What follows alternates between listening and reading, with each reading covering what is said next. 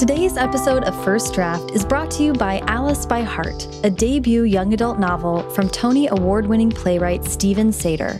In this book, Sater, co creator of runaway Broadway hit Spring Awakening, tells the story of a young girl who takes refuge in a London tube station during World War II and confronts grief, loss, and first love with the help of her favorite book, Alice in Wonderland.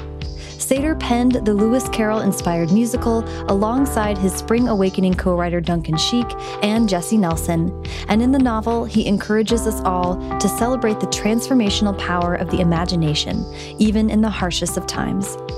Alice by Heart is out from Penguin Random House now.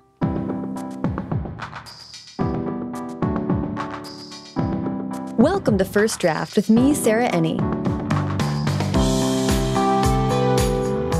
This week, I'm talking to Kate DiCamillo, one of only six people ever to win two Newbery medals for her novels The Tale of Despereaux and Flora and Ulysses, and author of Newbery Honor book Because of Winn-Dixie, National Book Award finalist The Tiger Rising, as well as New York Times best-selling books The Miraculous Journey of Edward Tulane, The Magician's Elephant, and the Mercy Watson series, and more. Kate was also the U.S. National Ambassador for Young People's Literature in 2014 and 2015. Her most recent novel, Beverly Right Here, completes the trilogy of Raymie Nightingale and Louisiana's Way Home. I loved what Kate had to say about her quote unquote lost years, the epiphany of two pages a day, the realities of winning a major literary award on your life and your art, and she gives tons of writing advice that adults need to hear. Everything that Kate and I talk about in today's episode can be found in the show notes. Links to download, watch, read, all of the uh, many authors and uh, TV shows and movies that came up. First Draft participates in affiliate programs, and shopping through the links on the show notes at firstdraftpod.com helps to support the show at no cost to you. If you'd like to donate to First Draft on either a one-time or a monthly basis, simply go to paypal.me slash firstdraftpod. Another quick and easy way to support the show is to subscribe to the podcast wherever you're listening right now. And if you have two minutes, leave a rating or review on iTunes. I've set a pretty big goal of reaching 300 ratings on iTunes by the end of the month. There's only five days left, so click on over to iTunes right this very minute. It doesn't take very long. I'm going to read a recent review as an example of this. This review is left by one Catherine One. One Catherine One says, Wonderful. Such a warm, inspiring, positive, and interesting podcast. Love it. One Catherine One. So, so sweet and to the point, and I really appreciate it. Leaving a rating and review on iTunes only takes a second, but through the magic of some kind of mysterious algorithm, it boosts the show and gets it in front of new listeners. And if I reach 300 ratings by March 1st, I will host a massive giveaway with tons of books from guests on this show. Finally, if you have any writing or creativity questions that you'd like me and a future guest to answer in an upcoming mailbag episode, please call and leave that question at First Draft's voicemail. That's at 818 533 1998. Okay, now please sit back, relax, and enjoy my conversation with Kate DiCamillo. Hi, Kate. How are you? Hi, Sarah. I'm well. So, I like to start my interviews at the very beginning, which is where were you born and raised? I was born in Philadelphia, Pennsylvania. And uh, when I was five years old, we moved to a small town in central Florida called uh, Clermont. So that's where I grew up. Okay. And how was reading and writing a part of growing up for you? Oh, in so many different ways. One, I I can, and, and, it's funny because I wish that I had been able to articulate this to my mother properly when she was alive, how clearly she saw me as somebody who needed books mm. and she was she was the person who got them in my hands in a variety of ways. So i grew up in in a family that believed in books. There were books in the house. She bought me books. She took me to the library twice mm. a week. She read to me and then she always like i remember when i was uh, like eight years old I, I became obsessed with abraham lincoln and so this is in the days before you could like you know go online and find all the books about Abraham Lincoln at the level for an eight year old. So she would she went and you know special ordered from the next town over several books. So she just paid attention to what I was reading and facilitated all the time. So she was super central to my reading and writing life. And also growing up in a small town in the South really contributed to having a kind of a storytelling mindset, I think. Yeah, I think, I mean, that's kind of a cliche maybe, but. It is, it is. But it's just like I think about it when I physically think about it. I think about, I, I grew up on a dead end street, and uh, one side was uh, all older widow ladies, and um, we were welcome to come over and sit on their porches play in their backyards. And so it was always this thing of where you would sit and talk with them. And story was currency, kind of. They yeah. had stories, and then I would try to tell them stories back. So. Oh, that's so sweet. Yeah. Um, reading was obviously very central for you. What about expressing yourself, about creative writing? Well, you know, I'm old. So I'm what? I'm almost 56. So when I was in school, it wasn't, you know, like I'll say to kids when I go in and talk to a class, how many of you have met a writer before? Almost all of them have. That was not happening when I was growing up. Yeah, almost all of them have met a writer before. Yeah, they wow. have. Yeah. And and and so it was this thing where books were these magical magical things and I just didn't think that human beings had anything to do with it. And if we wrote in school, it was an essay. You learned how to write an essay and so it just i didn't it wasn't until college that i got the idea in my head that i wanted to write but i never had it in there as a kid. Wow. And so so you never thought about writing but were you doing any uh, sometimes people write but don't think about it as a career. Were you writing at all or no? I wasn't. I wrote some really bad poetry to the dog, which seems kind of like for, foreshadowing in a way. it does. um, yeah, no, I didn't. I didn't. And then even you know when I went away to college, and I, here I am, I'm a huge reader. So what am I going to major in? Okay, I'll major in English, and then I can just read all the time. And and the adults would say, "What are you going to do with an English degree?" And it's like I don't. I don't know, you know, and and then it was a professor who said to me, that these words that are I, I say to the kids all the time because they're like burned on my brain. You have a certain facility with words. You should consider graduate school. And so I thought he was trying to tell me I was really talented. And um, of course, that isn't what he was trying to tell me. But I just like latched onto that and I thought, okay, I'm going to be a writer. And then I spent a long time with that pie in the sky idea. And no, I still wasn't writing. Yeah. What do you think he was trying? What was he really trying to tell you? I think that I had a certain facility with words, and that I would have done okay in graduate school. Right. You know, but I took it. You know, at that age, you're like you think that somebody is telling you that you're special, and you know, and what I've found, and you probably know this too. I've sat in so many writing groups, and I. I can tell you people to the left of me and to the right of me who are much more talented than I am. Talent doesn't really factor in that much. What factors in is are you going to be uh, persistent?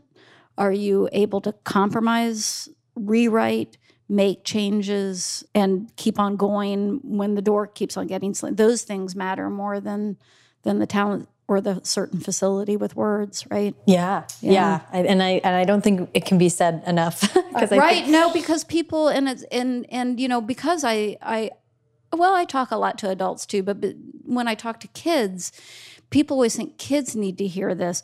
Adults need to hear it mm-hmm. because people just think, oh, it's something I'm supposed to do. I'll sit down and it will come out right. No, it won't. no. Were that that was the way. I want to kind of, uh, I don't want to leave childhood quite yet. Uh, okay. And I'm going to ask about a couple things because they relate to your work. Okay. But I understand that you were sick a lot as a kid.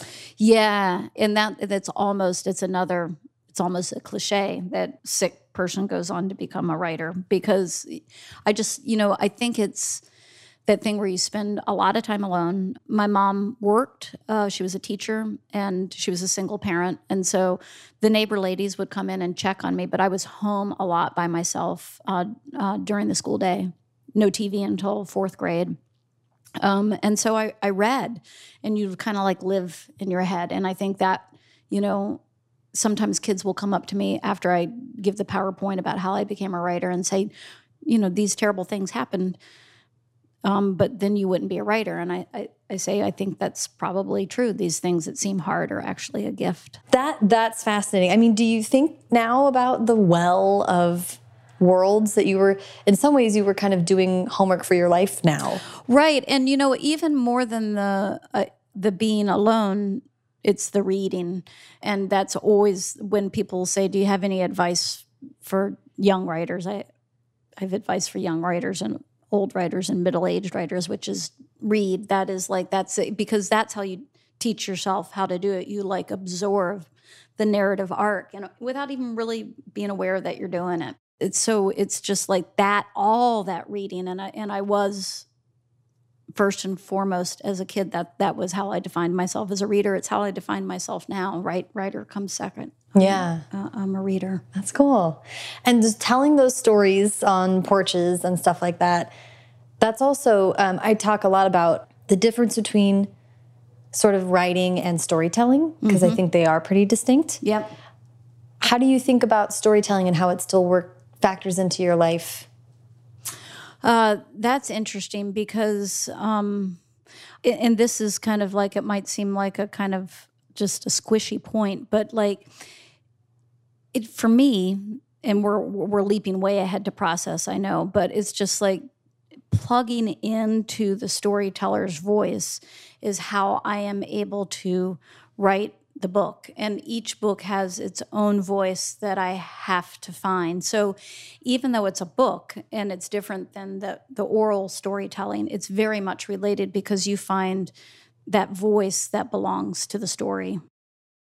I've had the great fortune to talk to people uh, in like the last month or so who did not magically immediately publish books and become mm rock stars. Basically, mm -hmm. people who have spent what I've been calling like lost periods of time. uh, I'm your person.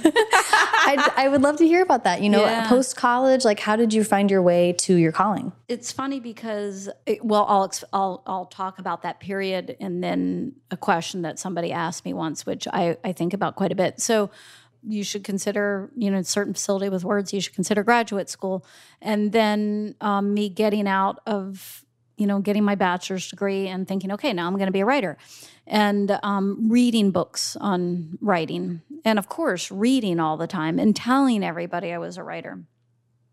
And uh, wearing a black turtleneck, which is always embarrassing to say, but I say it because it gives you an idea of just how ridiculous I was. And so, and then I worked a lot of kind of like small jobs because I was a writer, right? But through all of that, I'm not, I really genuinely am not writing because where do you start, right? It's just like you got this big dream. Yeah. And you've told everybody this is what you're going to do. Mm-hmm. And it's like, how are you going to write a novel? You don't even know where to start. And um, and when you're when you're wearing a black turtleneck and calling yourself a writer, is that what you're thinking in your head? Novels ex- explicitly for adults? Um, uh, Sure. Or uh, eventually I switched courses to short stories, mm. right? Because you have that mistaken notion that they're short, therefore they're easier. And it's, of course, incredibly wrong. Um, they're much more difficult. But that's so, so I made it to like 29 like not really you know occasionally i would like try something and then it would always be terrifying and so i would put it away and so at the time um, and y- you can um, assure your listeners of this. I'm the least athletic person in the world, but I was I was running, you know, and so I, I would run two miles every day. Did I say to everybody, I want to be a runner? No, it was just like it was easy to do, and I did it. And eventually, I thought. I, I do this thing every day. I've committed to doing this thing every day that doesn't matter to me at all. What if I I take that and do two pages to this, this thing that I say that really matters to me. So that's kind of how I coaxed myself into it. Yeah. And um, two two pages a day um, is a novel. Yeah. If you if you really you know commit to it, and and and it's not as scary. So I I sat down and started doing two pages. What were those first two pages? Oh, terrible, terrible. And I don't know, you know, Anne Lamott's Bird by Bird. I hadn't read that book. I didn't know that they were supposed to be terrible in the beginning. Um, but I just, it was, I still had that two miles a day running and thinking, I just will sit down and do it. And eventually I figured out something that I've since hung my hat on, which is that, you know, it's terrible. And then you go back and you do another draft and it gets marginally better. And then you come back and you do another draft and it gets better still. And then after a while, it actually resembles something that is readable. And then you can send it out as I like to say to the kids, and what do you get back? And they always say, money. It's like, no. oh. what, what you get is a rejection letter. so I started and I started sending the stories out to like literary magazines and I started collecting the rejection letters. And there were a couple rejection letters that were you you could live off the fumes of a personal rejection letter. You know, this all happened back in the day where you weren't, you know, I was literally dropping it in the mailbox and then the mail would come back to me and here was a handwritten note from like somebody at the New Yorker or somebody at the Atlantic saying, you know, try us again. This is, and it, that was enough. Mm-hmm. That was mm-hmm. enough to keep me going. Yeah. And at that point, you were writing short stories? Correct. Okay. Yeah. We skipped a little bit, which is, I think, the jobs that you had in your 20s. Sure. um, let's see. Uh, I worked at Circus World as a ticket seller. I worked at Disney World for a long time on and off. I kept on going back to Disney at Epcot Center, Spaceship Earth, blue polyester spacesuit. Uh, I worked in a greenhouse for a, a long time, um, growing variegated philodendrons. You know, anything that like, you know, I thought would leave my mind free for for this writing that I wasn't doing. And then when I moved to Minneapolis, kind of everything like came it was serendipity in a way because I I got a job uh, in a book warehouse and I loved it. it. I was surrounded by people who loved to write, and a lot of them they were all readers, but they were also actors, writers, and all that. And and I was assigned to the third floor of the warehouse, which is where all the children's books were. It's very serendipitous. Yeah. Yeah. So and that and when I arrived there, I'd I'd been sending stories out for a bit, and I I had no intention of writing children's books, but I started to read the books that I was picking off the shelf, and I fell in love yeah. Do you remember what some of the early oh, ones were? sure. Um, Watsons Go to Birmingham, 1963, Christopher Paul Curtis, uh, Katherine Paterson, Bridge to Terabithia, Karen Hesse. And, you know, and, and because I was such a huge reader when I was a kid, a lot of them, and this is the thing about kids' books, is they hang around, you know? It's just like, so a lot of the things that I read as a kid were still being, you know, picked in that warehouse. Um, but there were a lot of new things too. I and I just read my way through the third floor. That's amazing. Yeah. And I'm interested in like what the timeline is as far as reading voraciously and then deciding to actually commit your two words a day to children's lit. Uh, I was almost 30 mm-hmm. when I started to write. So 29 and, and some change. And then I thought, okay. It, it almost coincided with the move to Minneapolis, mm-hmm. which was another. Um, when I was riding in from the airport today, the guy was like, "Well, you know, Minneapolis, and how'd you end up there?" And in Minneapolis from Central Florida was this kind of like hail mary. It's just like something has got to change. It's like it was kind of like a way to like re, you know, become somebody different, become a writer maybe. Yeah, you had to shake yourself right, loose. Right, and I did. I it, it will wake you up when it's ten degrees. You know. yeah, I read that you moved to to Minneapolis without a, a winter coat. It's true. I you know I say that and it's and I've said it so much that it's just like, but it's it's true. I thought, how cold can it be? It gets cold in Florida, and you just run from one building to the other. You know, and so it's just like I had I was not prepared in in any way. Well, I really, I mean, I just am interested in how you look back on that decade and right and i'm glad that you said that because it made me think of the point that i was like oh let me save that because i don't say it very often somebody said to me once don't you regret all that wasted time and not one bit mm-hmm. because it when when i talk about okay, you send the story out and what do you get back? Money, ha ha ha. You get back rejection letters, and then I make the kids guess how many rejection letters I got. And usually, maybe they'll go up to 50. Mm. And then I put the number up on the screen and it's 473. And they're like, oh no. And I that's what all those years gave me was just like by the time I sat down and started I realized it was on nobody but me and nobody was going to give me anything and if I wanted to do it I was going to have to be relentless. Mm-hmm. So Yeah. that's what that time gave me and it also gave me time to be in the world and see people, you know, and uh, all those all those people that passed by me at Circus World and Disney World, the people that I met working in the greenhouse. It was just like it was an education in life. Yeah. know? Well, yeah, you have to have something to pull from Right. once you Right. really get because being a writer is a lot of time not in the world. Right. Actually. right, right. And also, you know, there's that old trope about write what you know. You don't know anything. It's just like so you have to imagine your way into other and you imagine your way into that that act of empathy is from being around people, you know, I think. Yeah, I agree. So I'm I am interested in that you started with short stories and then you kind of felt the pull to kidlit. Yep. And you started with then novels also. Right, right. Well, what I did was I took a copy of the Watsons Go to Birmingham 1963 and I took it home and I typed up a chapter. It's like, okay, how long is a chapter in this universe? And and then how long would a novel be? And just so it's kind of like getting my toes wet. And pretty soon after I did that, the uh, I got not the first line of Winn-Dixie, but the f- the voice of it arrived, and everything that I had kind of learned in doing short stories, that kind of like smaller narrative arc. Um, I then like transferred to the smaller narrative arc of a chapter in a in a kid's novel. Yeah, yeah, that makes sense. And and Winn-Dixie has many kind of interrelated stories Right, and right. characters, so that makes Yeah. sense. Before we talk more specifically about Winn-Dixie, do you mind pitching that book for us? So what? I'm supposed to do an elevator pitch? yeah, if you I know. um, so yeah, it doesn't. I I always think I'm the last person to do a book talk. I've heard um, librarians and booksellers do a really good job here, and I can't do it. But it, a, a dog, a, a, a girl walks into a grocery store, and there's a dog in the produce section wrecking havoc and uh, wreaking havoc, and um, the dog needs the girl, and the girl needs the dog, and the writer needs the girl and the dog. Yeah. Yeah. I love that.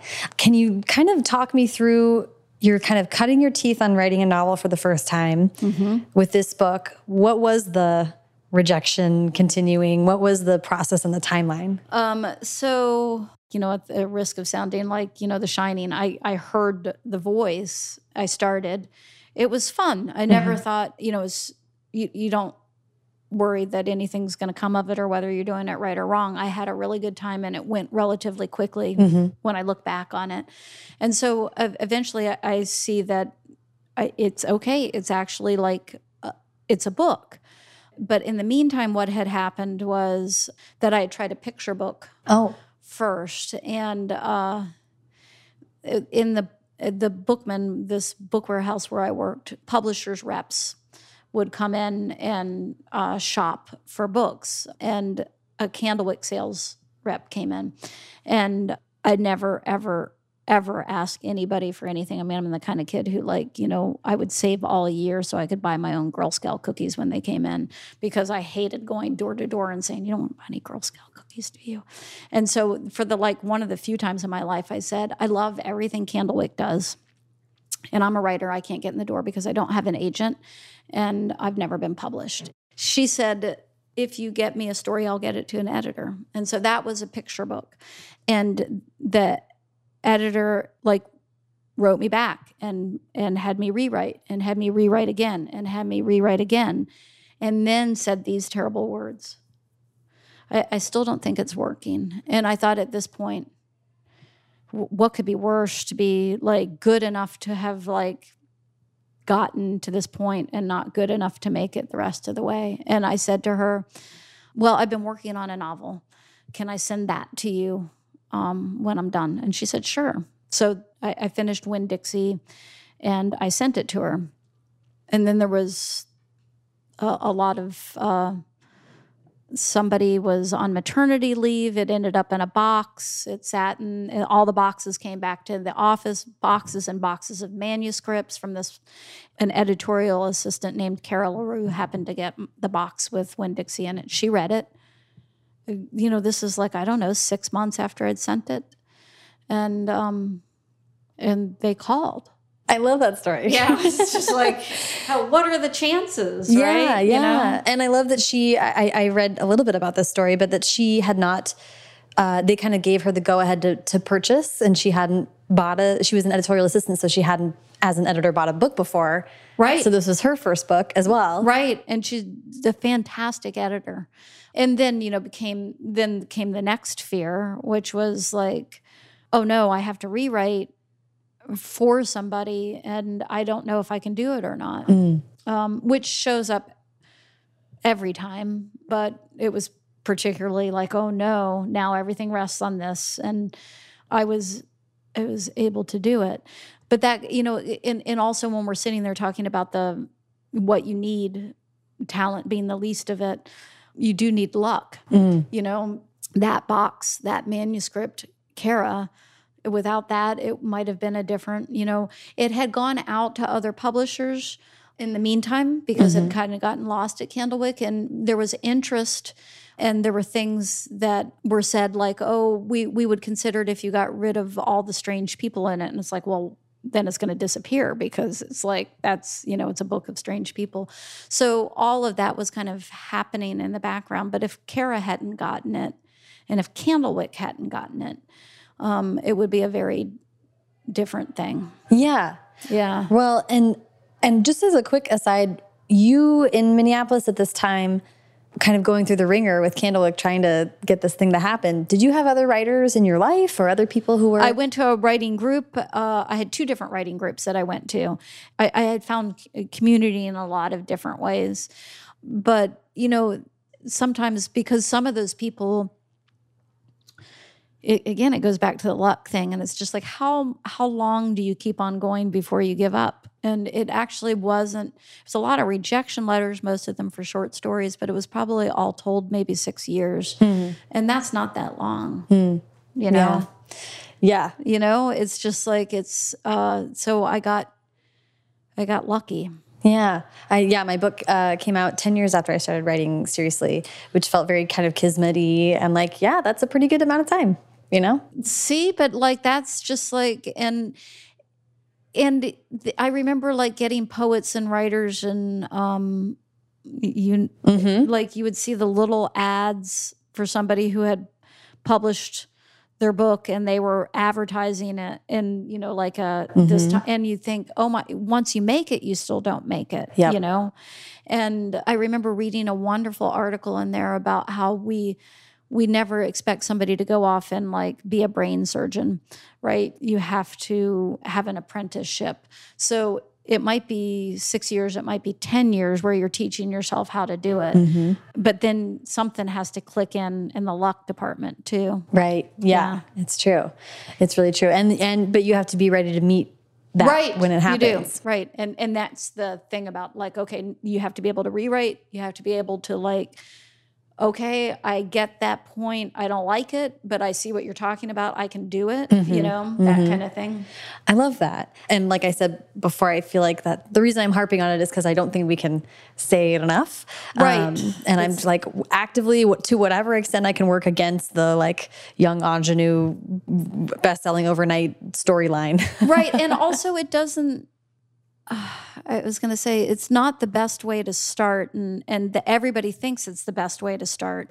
And it's not because you don't know who you are yet. And once you've put in that long apprenticeship and um, dealt with the rejection and dealt with the close oh i'm almost there it's just like you have a better sense of who you are. If you if you hit it right out of the gate you don't necessarily know who you are Does that- Yeah. do, do you agree with that yes, and I have friends that have had that um, career trajectory, and it is really difficult for them. yeah i think i think it would be hard Yeah, you kind of have to be a particularly grounded kind of person Right. to get through that. right Uh, with your feet on the ground. yeah it would knock you It would, it, it would. It's just like, and then you've got a whole bunch of different voices in your head that you have to answer to, where you're answering when during that 10 years or that six years to the fear of rejection and all of that. But that's different than everybody's expectations, mm-hmm. you know, for the mm-hmm. next book.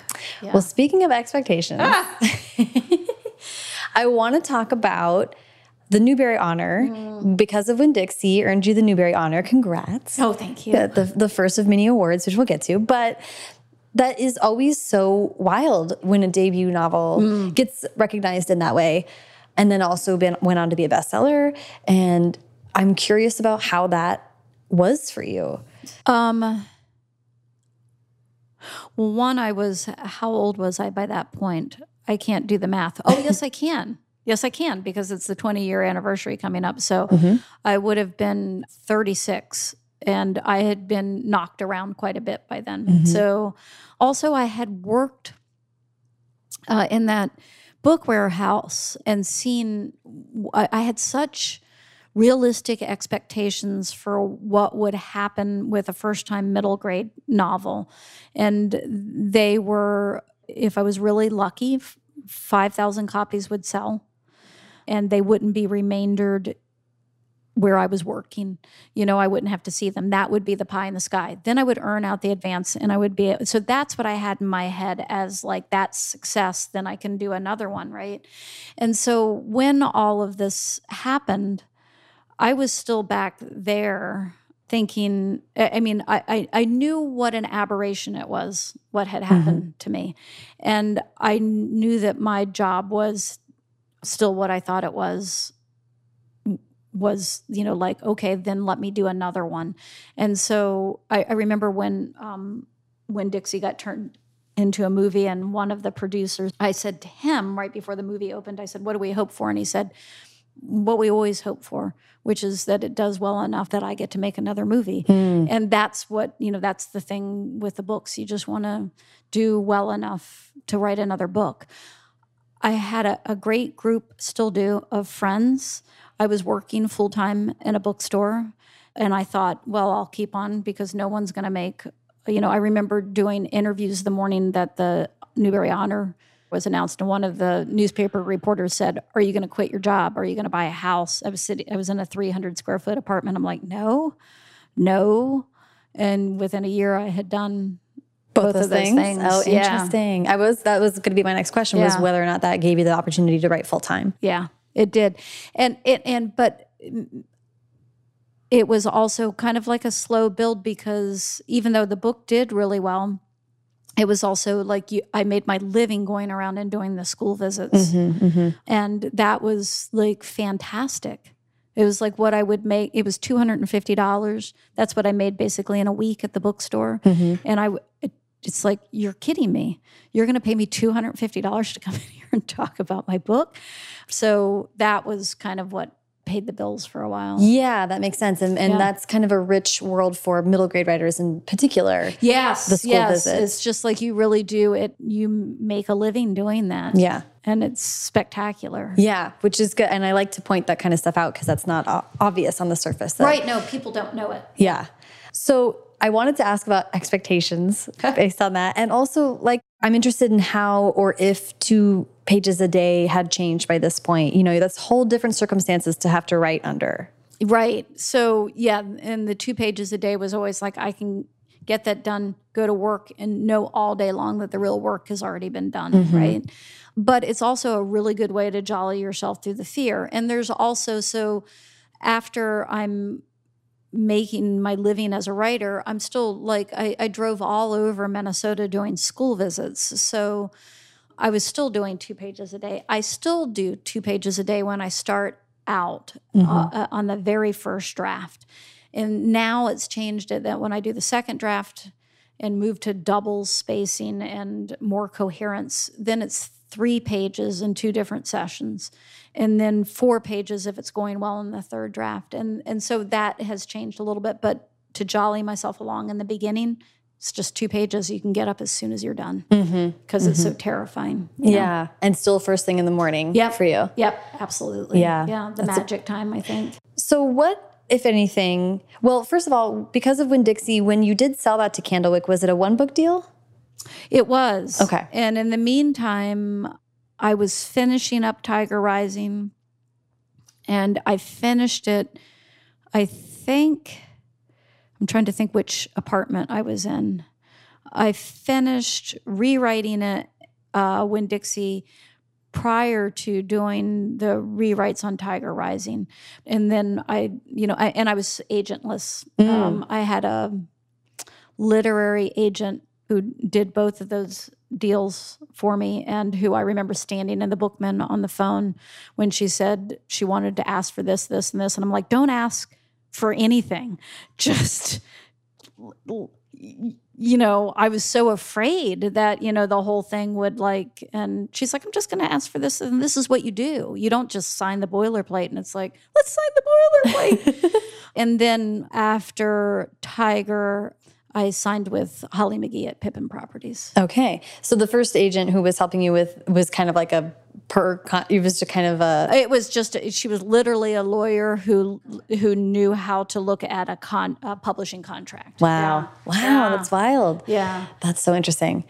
And what, if any, pressure did you feel after Winn-Dixie kind of took off? It sounds like you already had Tiger Rising. I already had Tiger Rising, which was a huge thing psychologically Yeah. because that was done.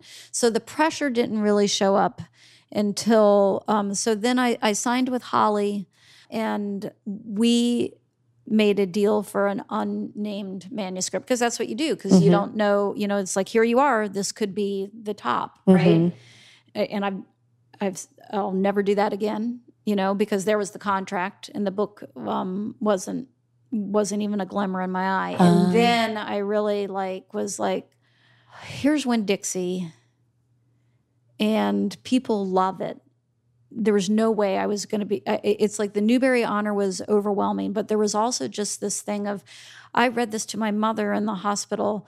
Um, I, I've, you know, the kids. I've read this to them in the class, and like, and it was just like I have to do another book like this, and so that was the big struggle. Was like, okay, I'm going to do another book like Winn-Dixie. I'm going to do, it. and I and I found out like, wow, I'm not going to survive if I try to write to make people love me. So I'm going to have to go in a completely different direction. And that was Despereaux. Mouse Castle and every, you know, it's just like, what are the chances that I'm going to be able to do this? But I, it was like, and it's funny because a couple of times people will bring this up if they know the industry well enough and stuff. And it was, I was in New York um, last year and somebody asked us at an event, which is like, what if it hadn't been Candlewick?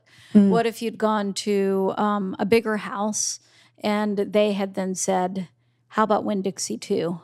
And because I'm like, oh my, you know, it's just like, I, I couldn't believe that it, I, it had happened. And because I'm a pleaser, I would have done it.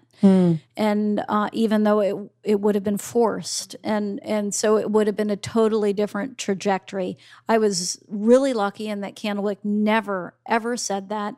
My agent never said it, and when I sent a few pages of Despereaux to Kara, she said, "More, please."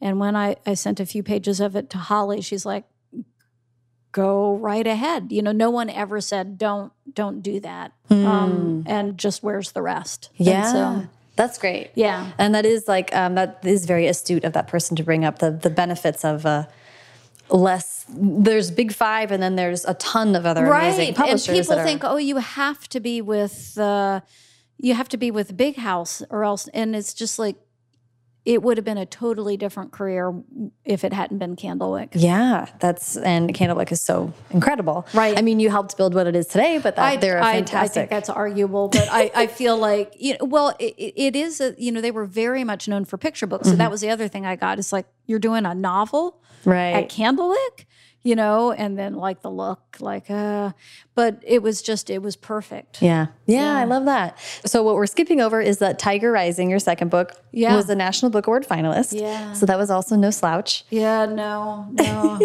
and and the reason I'm not like trying to embarrass you or make this an uncomfortable situation, but this is a remarkable start to your career, and it's very, it's great that you sort of knew that and knew to brace yourself a little bit because that comes with positives and negatives. Right, it does because it's like the you know sometimes people will say where are the Newberys, which we haven't gotten to yet, you know, because you get the mm-hmm. actual Newbery and it's like they're in a desk drawer. They're not up on the wall, you know. Mm-hmm. It's just like and, and very very occasionally I will pull back the desk drawer, look at them, and then slam the, slam the drawer. You know, it's just like because that's it's like you cannot think about any of that when it's failure and I'm going to never be able to do this and no one's ever going to publish me. That's one thing, but it's another thing entirely when what you write you know people are going to read and they might hate. Right. You know? Or when their expectations, someone coming to read because of Winn-Dixie, before, especially maybe even before it was awarded anything, Uh, the expectations are like, who even knows? Right. And There's so a dog then- on the cover. That's great. then yeah. they're so happy and excited and and then it builds and builds but then the next time around people come in expecting it to blow their socks off right. and who- Boy, you're really cheering me up. I know. Yeah. I'm so sorry. but but because you have persisted and, and continued writing really wonderful stuff, that's why I'm like, how'd you how'd you get through it? How did I get through it? I got through it. It's interesting. I- only somebody. I mean, I don't get asked that question a lot, and it's not like I I I have a lot of easy answers for stuff, but I don't really sit and think about that. Maybe because it scares me some, mm-hmm. but it's always that thing of that none of that is my business even though it's my business it, it my I, what i have to do is try to tell the story as well and truthfully as i can and the rest of it is so out of my control other than showing up and doing the work mm-hmm. and in the beginning being relentless about putting the work out Right. but then it changes to showing up, doing the work, being as truthful as I can with telling the story. And then I don't have to send it to 20 places and, and collect 20 rejection letters.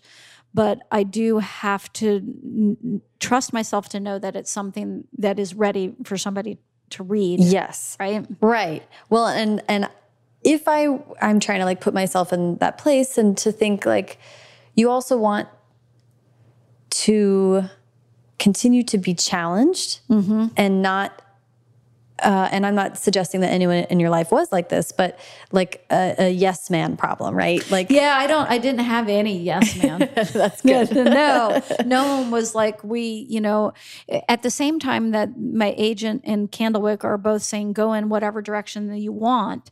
I also have like this is uh, Holly, the agent, a, a, a couple times. You know, I'll send her something. Why don't we just put this in the drawer for a while?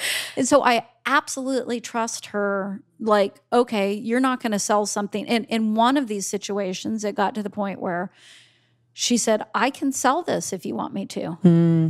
And I don't think that's what you should do. But if you want me to sell it, I can sell it. Wow. And so it's just like, okay, there's somebody who's got my back. Right? Yeah, And yeah. is and is reading to like, you know, looking for the best thing. Well, it strikes me that because I think writers, to to make a broad generalization, kind of a striving type of people.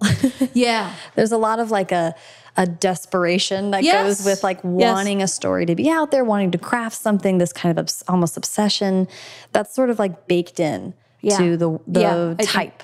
I think, yeah, no, I totally agree. And Yeah. then when it comes with something that could be seen as like a career pinnacle, there's I think like maybe some pressure taken out off that actually might have been necessary. Huh. Am I are you am I yeah, communicating no, this? I get what you're saying. And that would be my concern. but there's also this kind of like um I have been given this chance. Mm. Now I can go in any direction I want to. Mm. So it's just like it, it's it, the hurdles are in me. It's what Mm. I want to try to do as as a writer. And so it, it's that and it's like okay, now there's no reason not to try that Yeah. you know Yeah, and that's- so and that's a real gift Yes. if you can get out of the way of the fear of it you know Yeah, and th- there's a, there's a podcast called Blank Check that's all about young filmmakers who had this like massive success of successful movie, oftentimes unexpectedly, and then a studio says, here make whatever you want. We'll greenlight whatever is in your head and the various levels of success and not success that those filmmakers uh, experience when they're given a blank check. And it's a fascinating concept to me. Right, right. And that's a good like catch all kind of like it's yeah. I was Yeah. I was given a blank Well, literally, the contract was unnamed book, right? Right, right. It was. It was So- unnamed book. Which Yeah. is very intimidating. It is. You know, now when I turn it into Holly, that's sixth draft Mm-hmm, usually, and she'll have seen it in bits and pieces before that, and then you know I don't want the contract any any point before. Yeah, that. yeah. That's interesting. That's really, I've been hearing that from a lot of people lately that like writing on spec, just writing the entire thing is probably, for some people, not, not for everybody, but is like psychologically good for a lot of people. Right. Yeah. No, I don't know that I. Although there are people who want to spur to their sides. You know. Yeah, that's true. I'm not one of them. I've got I've got my own spurs. So let's talk about Tale of Despereaux. Uh, do you mind pitching that book for us? Uh, there's a mouse who who thinks that music sounds like honey and falls in love with Once Upon a Time and also a princess, and he does very unmouse like things, and um and he ends up rescuing the princess. Yay. Yeah. The first two books were pretty were well, realistic is maybe a loose term for Right, for sure. it in some ways, but they were realistic and they had animals, but they were more realistic. Yeah. So you, the Tale of Despereaux is like a little bit of a step into kind of a fairy tale. Yeah, I would call it a fairy tale more than fantasy, but even the fairy tale part of it, I kind of like, I messed with. You know, I just like, I took uh, anachronisms, things that didn't belong in fairy tales, just to cheer myself up. You know, um, there's one point where the king plays. Um, when the deep purple falls over sleepy garden walls and of course you know that's like from the 40s um, and uh, there's cigarettes in there as opposed you know so it's just like it, it's a mishmash of stuff Yeah. Yeah. What was it like playing? I mean, taking on fairy tales is a lot. And it also is, like you're saying, it's sort of comes with a set of rules that you can either gladly accept or you can kind of mess with. Uh, how did you think about Well, I didn't super th- think about it because then, you know, I would I wouldn't have done I think what I did. I found that there's a, a, a an intrusive narrator in that story, and that's an understatement. and once I had that voice, I was like, okay, this person, whoever they are, knows what's going on in the story. Mm-hmm. And so I can just get out of the way and follow this this voice. And that voice would toss in stuff to amuse itself. And it's not me which sounds really weird but it's just like it was that voice that and the, eh, what the New York Times called the loudest voice at a cocktail party and that's who that you know is kind of like a blustery but comforting kind of and and I needed that and um and it turns out that the reader relies on it too but I relied on it as a writer Yeah, I, I'm really interested in that because I've read um, interviews with you where you where it sounds like a character's voice is often the driving Yeah. force to start a story and to to get through it. What's the benefit of having this like very kind of convivial, loud joke Oh, making? it's great because that that voice just jollied me through the whole thing. And when I didn't know, you know, because I never, you know, we I never know what's going to happen in a story I don't outline. I thought this voice will tell me, mm-hmm. and that voice did, and so I just relied on on that voice. the and it ends up being something of a like the the tale of Despereaux goes pretty dark places. Yeah, it does. and the narrator sort of is a counterweight to that. Yeah, And I don't know if you had any had if you thought about that about it that way or not. No. I didn't. I just knew how much comfort that narrator gave me. Mm. And that comfort, I think, from what I hear from kids, it- transfers to the reader and makes the reader feel safe too. Yeah, which is another thing in fairy tales. I think there's a lot of Right. of scaffolding around the story. Right. You're, you're very op- explicitly being told a story. Right. And that that alone Mm-hmm. makes you feel safe or it makes me feel safe. Tell me a story. Okay, I can calm down some, you know. Mm-hmm. Yeah, yeah, I like that.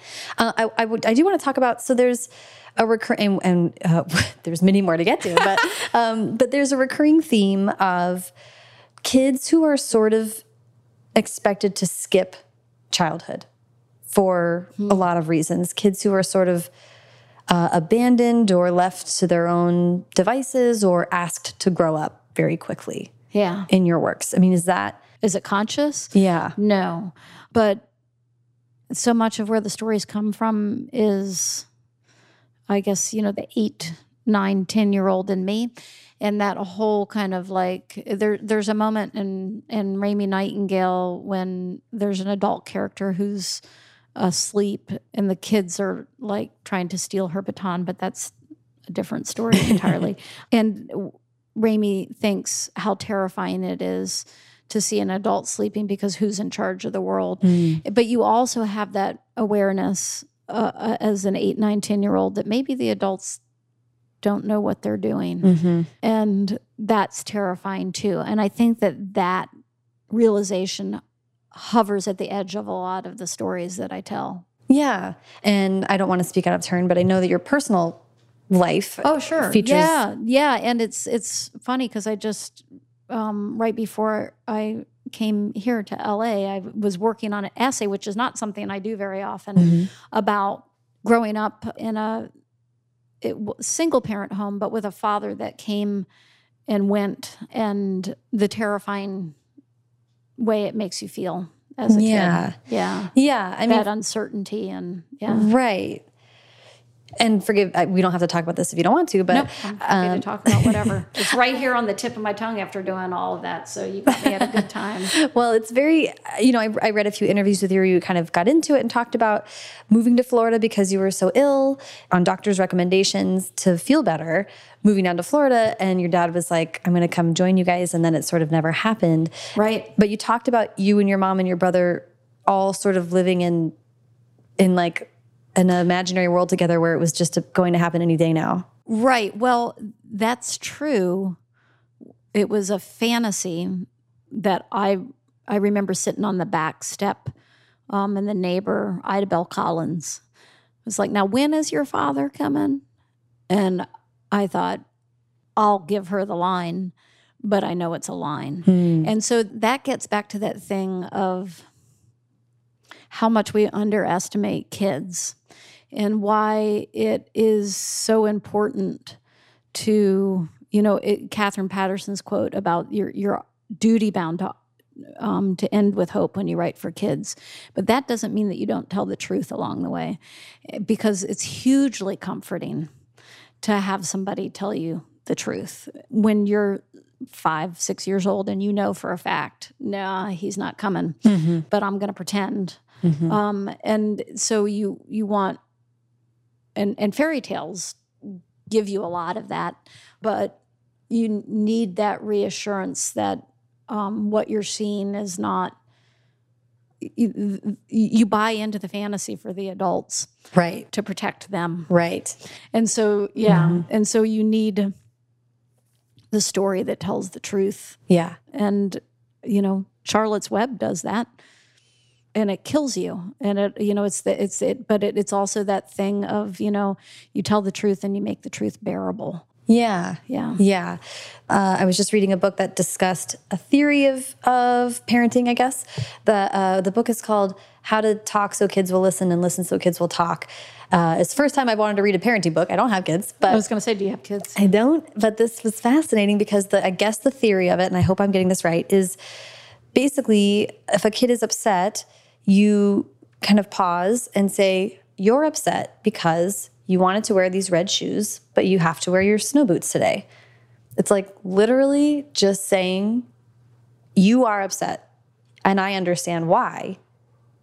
And then, uh, like nine times out of 10, they're like, it just, then they're just like, oh, I just wanted someone to recognize that I'm having a feeling and that there's a reason for it. It's funny because it makes me think so much of what we were taught about uh, guest service at Disney, which was the very first thing you do is not start answering for what is wrong, but rather you say, if I understand you right, you know, your purse like fell off of the ride and then eh, and so you tell them the problem back Right. and like 60% of the time that's all that people need is to hear that they were heard Yeah. you know it Yep. calms people down Yes. and of course it would work for kids you know Of course. I read that theory and I was like, wow, you know, if honestly, if someone talked to me that way, I'd be happy. Like, Right. yeah. I just want you to know that I'm upset. Well, and and it's funny because um, like one of the lines in this essay was just like three years after that move to Florida, I remember my dad coming and taking us and buying us jelly beans and delivering the news that he couldn't live. We, can't live together anymore. And I'm like, do you think I'm stupid? You know, it's Right. like three years, duh. yeah. You know, Right. and if you had said it in the beginning, then we would have been released from this limbo. Yes. You know, Yes. um, Which so- is so why and three years in the life of a kid, it's like right, you're literally a whole different person. You know what I mean? Right. Every cell in your body is different. Like right, right. come on. right. Do you think I'm stupid? Let's talk about well, and then Tale of Despereaux, Newbery Medal winner. So, you know, you're no slouch. out, out the gate, you're doing pretty good. I believe, if I have the timeline right, that's when, after Tale of Despereaux, then you start um, writing Mercy Watson books too, That is, that's right. Yep. Uh, which are just the most adorable picture oh, books. It's so much fun to do those. It's just so much fun. And and uh, like I, I sent the first one to my agent, and she said, "I I don't know what this is, but I love it." And then sent it to Candlewick, and they're like, "We don't know what this is, but we love it, and we'll figure out a way to make it work." And so, Yeah. yeah, and. Chris Van Dusen and those fabulous illustrations of his. Yeah. They're so fun. And it's great because it's like writing a novel. It's like this big, heavy undertaking. And then those stories about mercy are a way to have fun on the page and just kind of rest in between novels. Yeah. Do you mind kind of explaining what Mercy's about and how she came to Uh, be? Mercy is a pig who uh, lives with Mr. and Mrs. Watson, and they're not pigs. And um, she loves, Mercy does, more than anything else in the world, toast with a great deal of butter on it. And that is the motivating factor for all of her. I say, people, when you write for kids, always say, what, what lesson did you mean to impart here? And those books are the answer. Nothing. no one learns anything. She's a pig. She wants toast. That- Go with that- it. Yeah, that's basically it. Yeah. How did you? It, it felt like when I was sort of looking at the timeline for your career, like the first three books do kind of touch on heavy subjects, and novel writing is not easy. Um, so it kind of felt like you were giving yourself a chance to kind of. Yeah, again, not consciously. I didn't, you know, it was just the the the, the name of the pig and the pig's face popped into my head and I thought, "Oh, that would be fun." But I didn't I didn't think, "Oh boy, give myself a break." But I found that they very much are. And, and when I and when we got the first one, you know, as, as soon as Holly sent it to Candlewick, it's like, "I want to do 3 of these." And then it's like, "No, I want to do 6." And then it was like, "Oh my gosh, I should stop." Because, you know, because I could just do this and and so it was um and then there were the other ones that came, you know, the like the further tales from Deckawoo Drive. And that was a way to satisfy the the urge to do more. And Karen Lotz, who's the president at Candlewick, was like, what if we'd like took these a step up reading wise and made them like oh, it's like oh that's a brilliant idea because i just turned in the first one leroy is the same length as uh, mercy watson and that was her idea to like make it be a longer story Yeah, I love that. yeah and fun to kind of. I mean, uh, in one interview, I listened to you describe writing novels as I think as like carrying a full bucket of water, or that it's Oh, that thing. Yeah. I, it's just like I, I feel this way, particularly at the end. I feel like a chipmunk or some furry creature, some small furry creature carrying something in a goblet kind of it's really precious and i know that i should not have been entrusted with but nonetheless i am like carrying this thing and it is my job to to carry it all the way to the end of the journey and put it down safely. And so it's just like i got to do it no one should have let a chipmunk do it, but nonetheless, this is what has been given to me, so I will try to do my best. And so it's always that that thing at the end uh, when I'm doing the rewrites. I feel that Yeah, I love that. I love that you cast yourself as a, I'm a chipmunk. chipmunk. uh, well, speaking of that, let's talk about Flora and Ulysses really quick, and then we will get to the trilogy, the most recent um, three books. But Flora and Ulysses, what a sweet book. Do you mind kind of pitching a little bit of that for us? Sure, that that one is a, a very easy pitch. So what I say to the the kids is it's um it's a squirrel who gets sucked up in a vacuum cleaner and turned into a superhero, which means he can do all the typical superhero things. He can fly, he's strong, and he writes poetry. and then I go, it's based on a true story. and there's always a moment when the kids are like, wait a minute, something's wrong with that. so, and it was just, it was, um, I wrote it when pretty soon after my mom had died. And it was just like this my mom and I both have a terrible laugh, and we laughed in the same way where we throw our heads back. A friend of mine said it looked like we were two baby birds waiting to be fed and um and so in a in a weird way it's her book because it, it i knew it would make her laugh Oh, I love that. It is very like flamboyant, or it's yeah very it's over the top Yeah. Yeah. The, I mean, it's like we kind of went from, it, if as far as novels go, we kind of went from a fairy tale then to this like it's got comic books in it. It's a superhero. it- The the the point of view of a squirrel is involved. It's very uh, like bombastic in an interesting yeah, way. It is. It is. Yeah. And it was, it you know, even right up until the very end, um, many many rewrites because you know you're writing about a squirrel and a vacuum cleaner, and it's just like it would always make me laugh, and that is that was what I kind of hung my hat on. Is like I'm down there doing the you know eighth rewrite. And it's still making me laugh, and it, it is. It's over the top, and it was so much fun. I think I read a review of it that someone said um, probably not for nighttime. Because it's gonna, because it gets you wrap wound your up, kid yeah. up. Yeah, I thought that was made, like the best endorsement for it ever. Right. Um, and and Flora and Ulysses. Wow, I didn't write this down, but that was also a national book. Wow, I'm getting your awards mixed up. Yeah, no, Flora and Ulysses was a Newbery. Newbery. Yeah. Had you? Is there any point at which you would expect that to happen to a book? Oh, no. Well, this is the thing with Despereaux was I was still like, you know, getting my sea legs. Then I would still read what you could read on the internet. People would, you know, say things to me in line. I had like, I, I you know, there were listservs and stuff. I do none of that now. I don't Google myself the books. I don't read uh, customer reviews. I'll read whatever Candlewick sends me. Um, but like, so one, it's a Newbery honor and a Newbery that's like unbelievable. And two, I'm not paying any attention. And three, it's about a squirrel.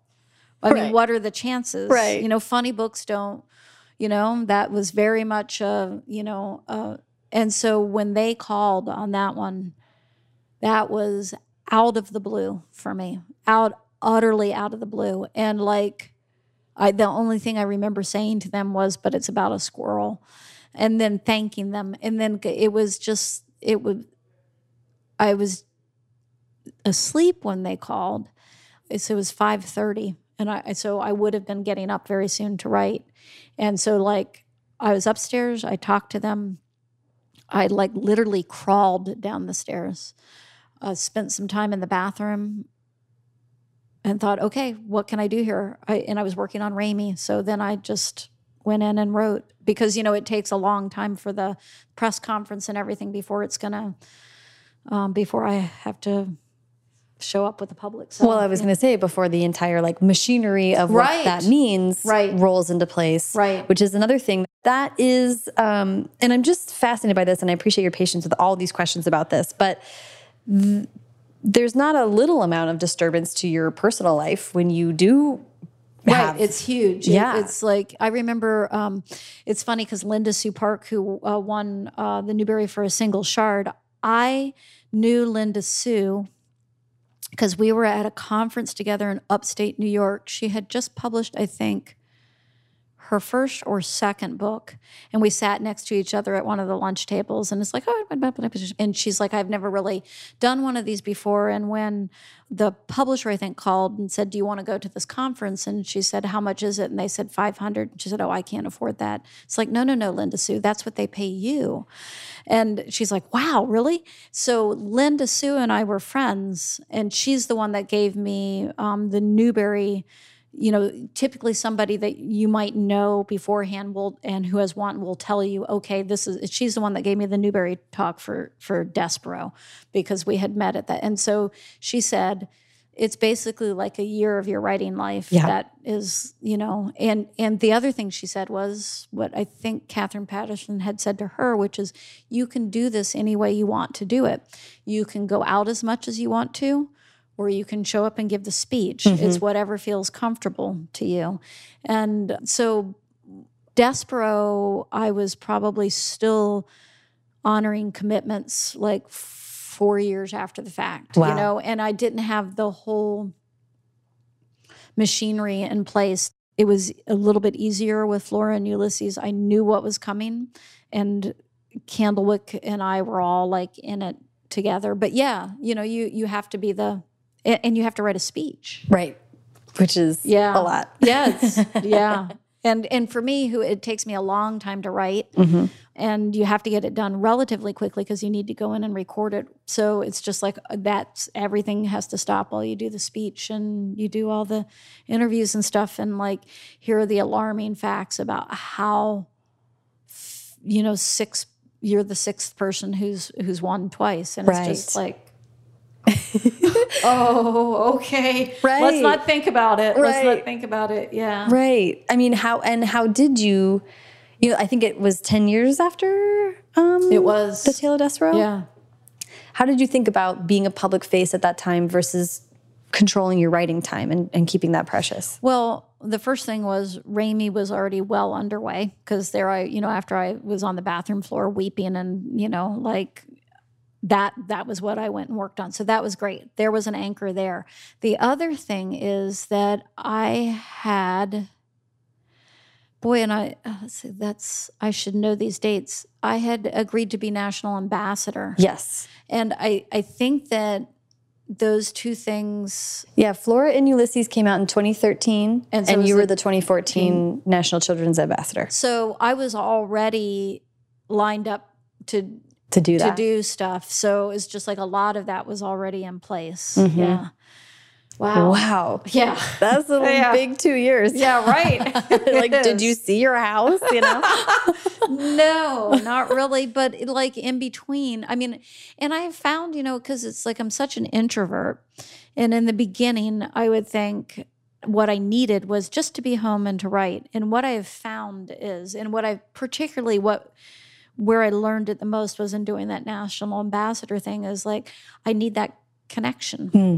And I don't think of myself as needing it because I'm an introvert, but it's just like, you know, I went out there with my platform, Stories Connect Us.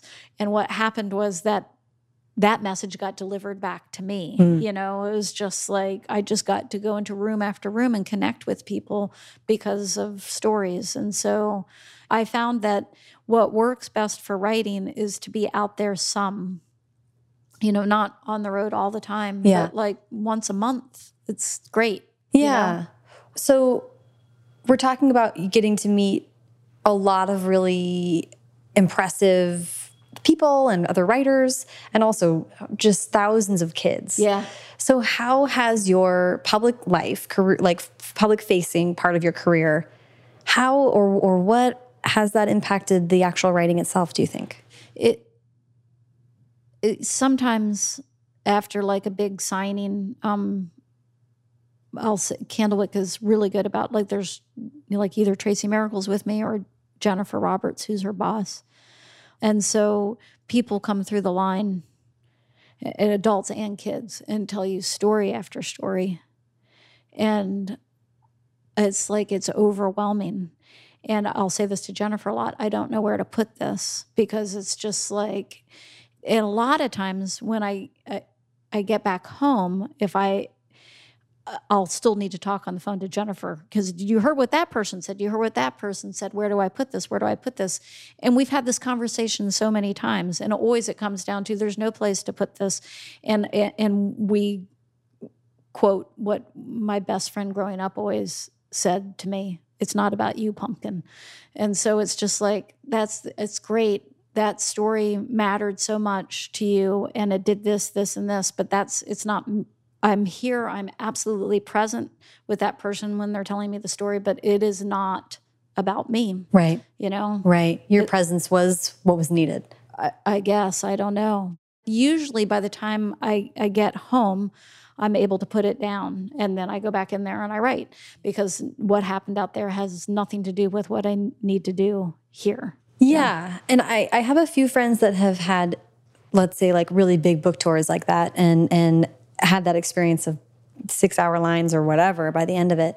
And and emotional hangover is the word that gets kind yeah. of thrown around a little right, bit. Right, right. I just, from a total self care, just as a human person perspective, like, what do you do to kind of like, even at the end of a night at your hotel room, like, how do you wind down and? Well, I ice my arm. that's, yeah. And I put arnica gel on it after I ice it. And what do I do afterwards? Um, well, it's like the, it's, sometimes I'm so wound up I can't sleep. Mm-hmm. But as Jennifer will say to me, sometimes if we have to do processing after I get back home, I have a group of friends that are the, a lot of them are writers, but they're not, you know, they're they're good readers and they're writers, but they're not, you know, going out and, and doing books and stuff. And they're not impressed with me at all. They don't care. I mean, I, I, I remember when I did the Fitzgerald Theater in St. Paul, and and it's a beautiful old theater from the vaudeville, and like I remember one of my friends saying to another one of my friends, I can't believe all these people are here for Kate. They don't care. They're not impressed by it. They love me. And it's great that I do this thing that I love to do, but they're not mm-hmm. they're not impressed with me. And that matters a lot. Mm-hmm. They just see me. Yeah, you know that's great. And it's important to have people around who can right go. What are all these people here for? Yeah, helpfully deflate the balloon. right. Yeah, a lot of times family is good for that. Like, right, absolutely. Yeah, like you're still just the bratty little kid. yeah. Um, okay, let's talk about this most recent trilogy: Raymie Nightingale, Louisiana's Way Home, and Beverly Right Here, which uh, is the most recent one. I'm so intrigued by this, like as a trilogy. Right, which is of course not what I intended. Right, because I, I, can tell you've done your homework, so you already know that. yeah, no, I didn't. It was not at all what I intended, and and that goes back to the very beginning and finding the voice of something, and Louisiana's voice, like being. It's kind of like you know, rhyme of the ancient mariner and the wedding guest. Like you know, she just like pulled me by the lapels, yeah. and and would not let go. So I had to answer for the voice, and then I had to do Beverly, even though Beverly never would have wanted a book about her, you know. But I, and that was like trying to, you know, get something wild to come up to me. You know, I had to be so still and wait for her. Wow. Yeah. Yeah, she's not a grandiose person like Louisiana. Yeah. Right, yeah. right. Well, I, I want to talk about that and first person versus third as well. But let's start with with Raymie and just establishing sort of uh, Oh, if you could pitch that book for us, then we can kind of go from sure. there. Sure. Uh, well, I could anti pitch it and say where I started, which was I had this very, I, I thought it was, oh, it's going to be a funny book about an inept child who ends up in a beauty contest, like the last kind of kid that you would put in a beauty contest, i.e., me, right? Because I was in the little Miss Orange Blossom, and I, I, my mother, uh, like I said, is gone, so I can't ask her why in the world she put me in there. But I remember standing on the stage and thinking I should not be here. so it's like, okay, it's going to be funny, and this child is going to, you know, make a fool out of herself in the Little Miss Central Florida Tire Contest. But it was like, okay, why is a child like that in there? And then it's like, uh oh, it's because her father's gone and she's going to try to get him back. Mm-hmm. And then it became a totally different kind of, of book and is probably the closest to my own experience. Yeah. yeah. And I wanted to ask about that about obviously there's a lot of us in everything that we write whether right. we want it to be or not absolutely it's there whether you know it is or not yeah. yeah. but this is sort of like maybe almost a couple decades after you started writing professionally mm -hmm then it kind of Yeah. finally came about. and you know it's funny because i've been it's it's there in every book but it's like almost like i kind of like turned around and faced it directly in this one and it's like okay and i had enough tools i think by that point to be Do you mean like to, writing skill tools or Yeah. emotional tools? yes both probably um to like to be able to to do it. And i remember like one a, a, a review i saw an early copy of it and it said something about being first person. This is a reviewer who is really smart really good reader. And i said to my editor oh get them to change that because it's third but it's so close. It's so close such close third that um, it feels like 1st Mm-hmm. and that i wouldn't have been able to do in the beginning because first person is so much fun and such a high wear act you know? And it's what it's what i struggled with in louisiana because i knew enough by that point to think no we're not going down this road. Because then it's like the the you know the willing suspension of disbelief is so easily messed with but it was also that voice was so strong and she would not have it any other way Yeah, I want to ask about that because I've heard you say that in another interview, the willing suspension of disbelief. How, how do you mean that? I mean that you, whether you're eight or 50, when you're reading, you don't stop and think, wait a minute. Mm.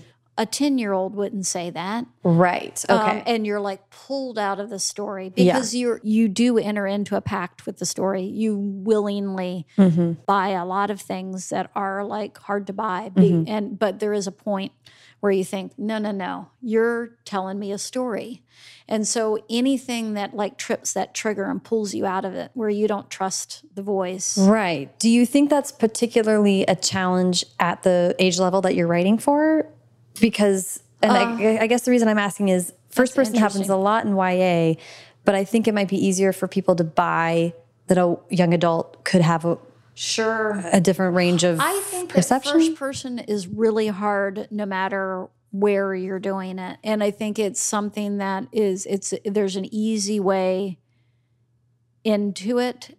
And so it's an easy place to start because there's an immediacy to it Yeah. that you don't get any other place. And if you find the voice, you know, so I think it's I never thought that I would do another first person book.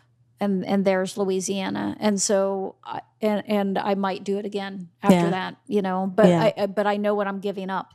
You know, there's a lot of stuff that you cannot put in yeah. because you're you can only be in that head. Yes, you're very tied. It's kind of the anti movie. Right, right. It's just here. yeah. And so it's not just that that you have to have the reader believe you, it's also that you are so limited in what Yeah. you can do. Yeah. And I mean, you know, we talked about the sort of bombastic narrative voice that can ease you through a story. I mean, first person is so relentless. right. There's a lot of like either your main character is funny and gives you a few breaks or it's just sort Right. of so constant. Right. Yeah, that's right. And Yeah. and it's that way for you as as a writer and that way for the reader sometimes too. Yeah. Yeah. Yeah.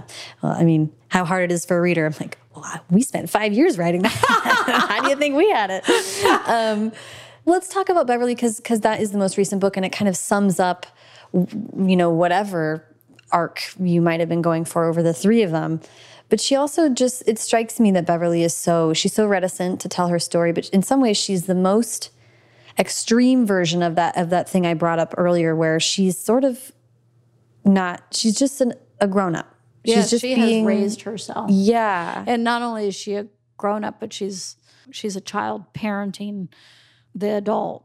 And it's funny because you know you I, I never know what I'm doing. Maybe there are writers that do. And then when I'm when I get really good interviews, pre-interviews are particularly helpful before a book comes out. I start to figure out, okay, this is what's going on in that book that I just wrote. Mm-hmm. And it gives me language to talk about it because I don't always know. And so much of what Beverly is, and this comes back to me personally, is this thing of Beverly is very good at loving, even though she seems so crusty. She's very tenderhearted, but she is not good at letting herself be loved. And this book is her letting herself be loved. And so, like, that was like huge for me in this trajectory of everything that basically started with Winn Dixie and mm-hmm. this onslaught of like, you know, I was, you know, okay, 5,000 copies, okay, you know, maybe at some point I can go down to working 20 hours a week. All of that I had in my head, but I had no idea that it was going to get that much love, you know? Right. And so that it was overwhelming. And I don't know that I was able to let it in. Yeah.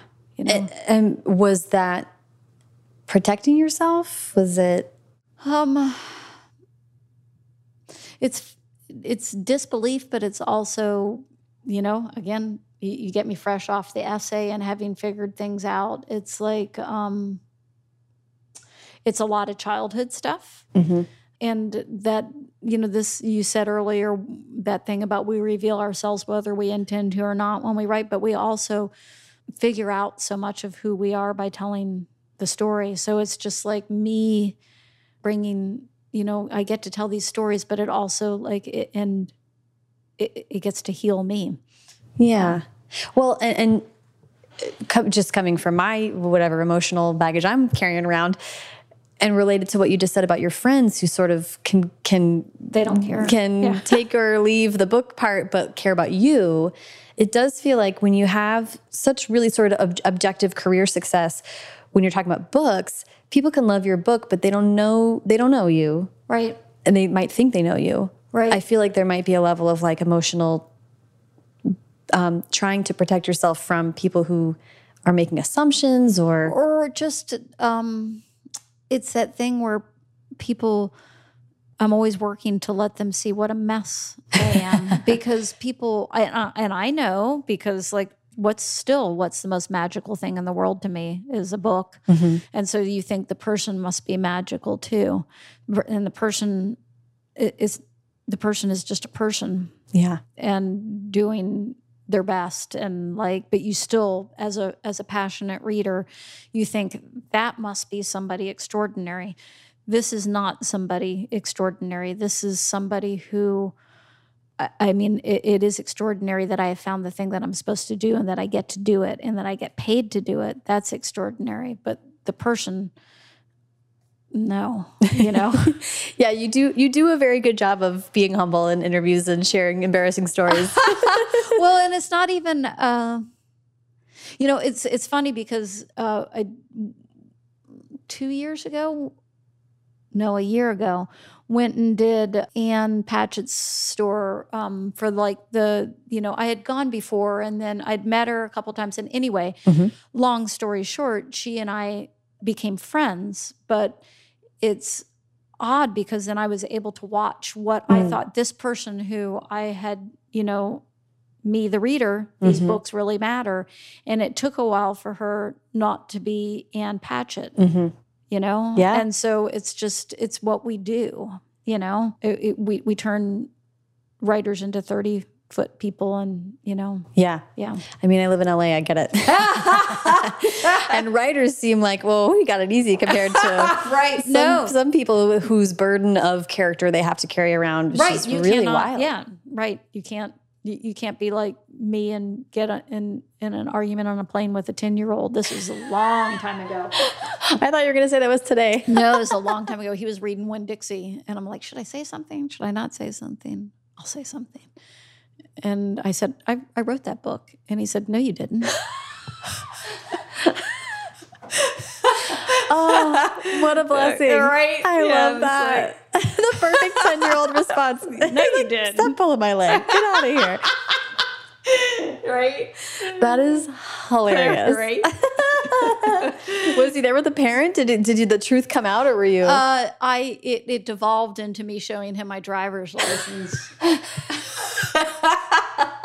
God, I love that. That is amazing. Yeah. Uh, yeah. The other thing, I just really quick, and then I, I will let you move on with your life. But I want to ask about about setting it uh, back in time, and I want then I want to ask about these just sort of uh, three books, kind of whether or not, and just how they interact.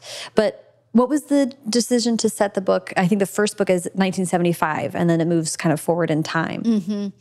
you know, uh, there, I mean, like I said, it's the closest I've come to putting me in a book. That's when I was. I, the, the timing is a little off because you wouldn't you wouldn't be old enough to know this, but it's just like.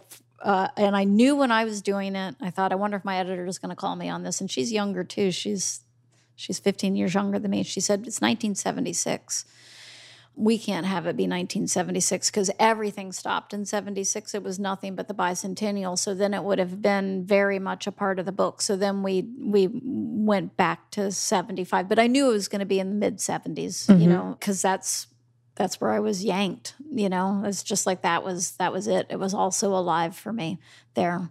And then to move it two years was just like I didn't really intend for that to happen, but then it did. And then it's like, okay, now two years again because Beverly's old enough to run away. So it wasn't right. even like intentional. It just kind of yeah. happened. It did leave Beverly. I mean, is she one of the oldest characters you've written? Yeah. 14? 14, yeah.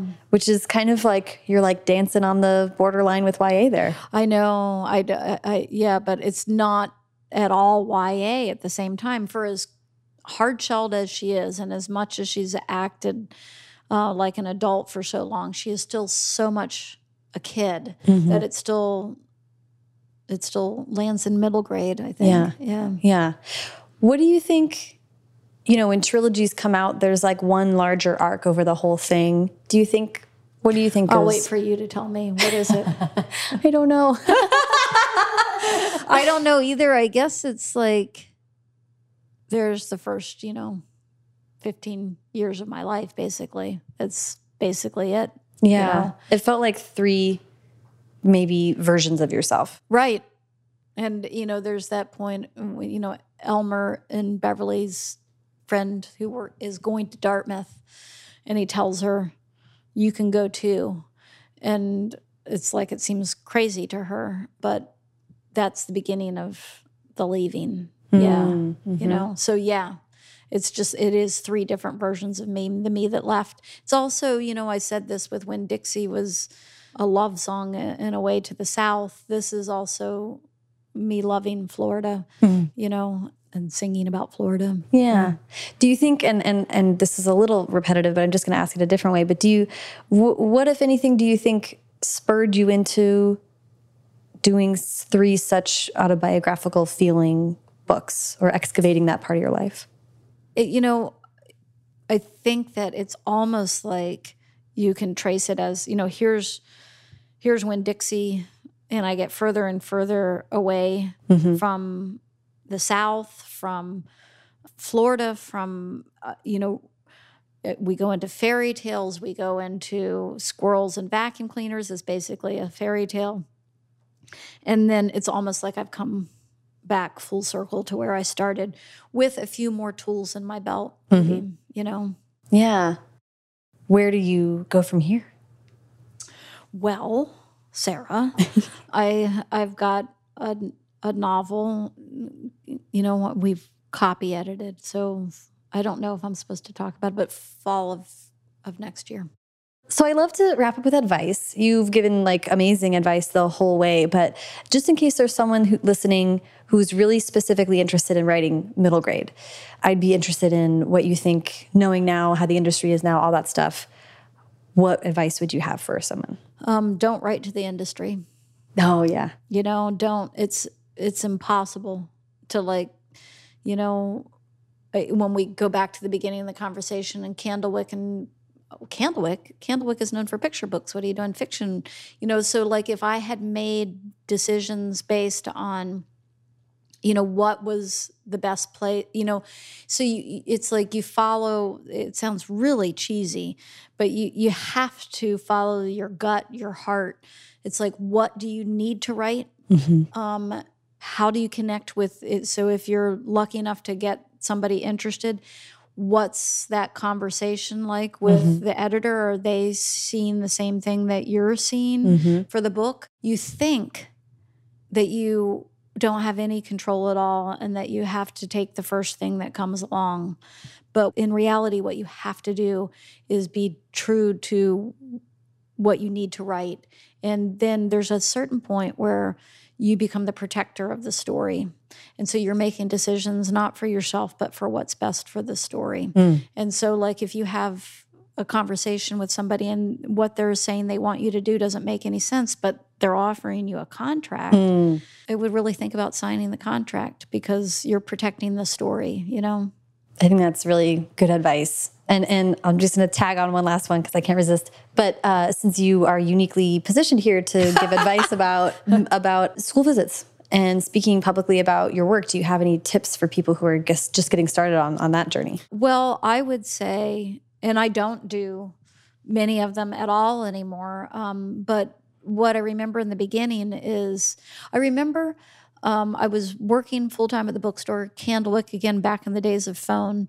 Candlewick called at work, and uh, somebody had dropped out of giving a keynote at the last minute, and they needed somebody to come and do a keynote at this conference. And I'm like, oh, I work eight to four that day. And uh, I remember this is Anne Urzaleg at Candlewick. She said, Kate, what I would think is like, you know, you might want to just ride this wave while it's happening. So that's one thing. It's like I didn't have a speech. I'd never given a keynote, but I went and did it. So when the offer comes, go. And also when the just going and talking to somebody's fifth grade class for no money at all, absolutely you should go and do it because one, it you can fit one of the great things that I discovered doing this is how much I really love being around kids and talking with them. So you can go in there and figure out is this something that I can and want to do? And also every time you do it, you learn more, you know, and I, I I tell this story quite a bit, but let's finish with this. My very first school visit, and I'm standing up in front of the class with uh, the teacher, and she says to this wonderful group of fifth graders, "Okay, we're going to talk about." You know, this is the person who wrote Because of Winn Dixie, and now what we're going to do is talk about the themes in this book. And I'm like, there goes the money. it's like I have no idea what the themes are in this book. And those fabulous kids and that fabulous teacher, they one at a time put the themes down on the on the chalkboard and it's like, "Oh, I can see where all of that is true." And then I wrote it down and took it into the next school and said, "Let's talk about the themes in this book." so it's just like you have to be you have to be willing to take a chance. Yeah. Yeah. Yeah, I love that. Yeah. Oh my gosh, thank you for giving me so much time today. This was so Oh, it was great. Thank you. Thank you. Um, and I'll talk to you again soon. Yeah. Thank you so much to Kate. Follow her on Facebook at facebook.com slash Kate DiCamillo and follow me on both Twitter and Instagram at Sarah Enni and the show at First Draft Pod. Today's show was brought to you by Steven Sater's Alice by Heart, which is out from Penguin Random House now. Haley Hirschman produces First Draft, and today's episode was produced and sound designed by Callie Wright. The theme music is by Dan Bailey, and the logo was designed by Colin Keith. Thanks to production assistant Tasneem Daoud and transcriptionist at large Julie Anderson. And as ever, thanks to you, unlikely Miss Orange Blossom contenders, for listening.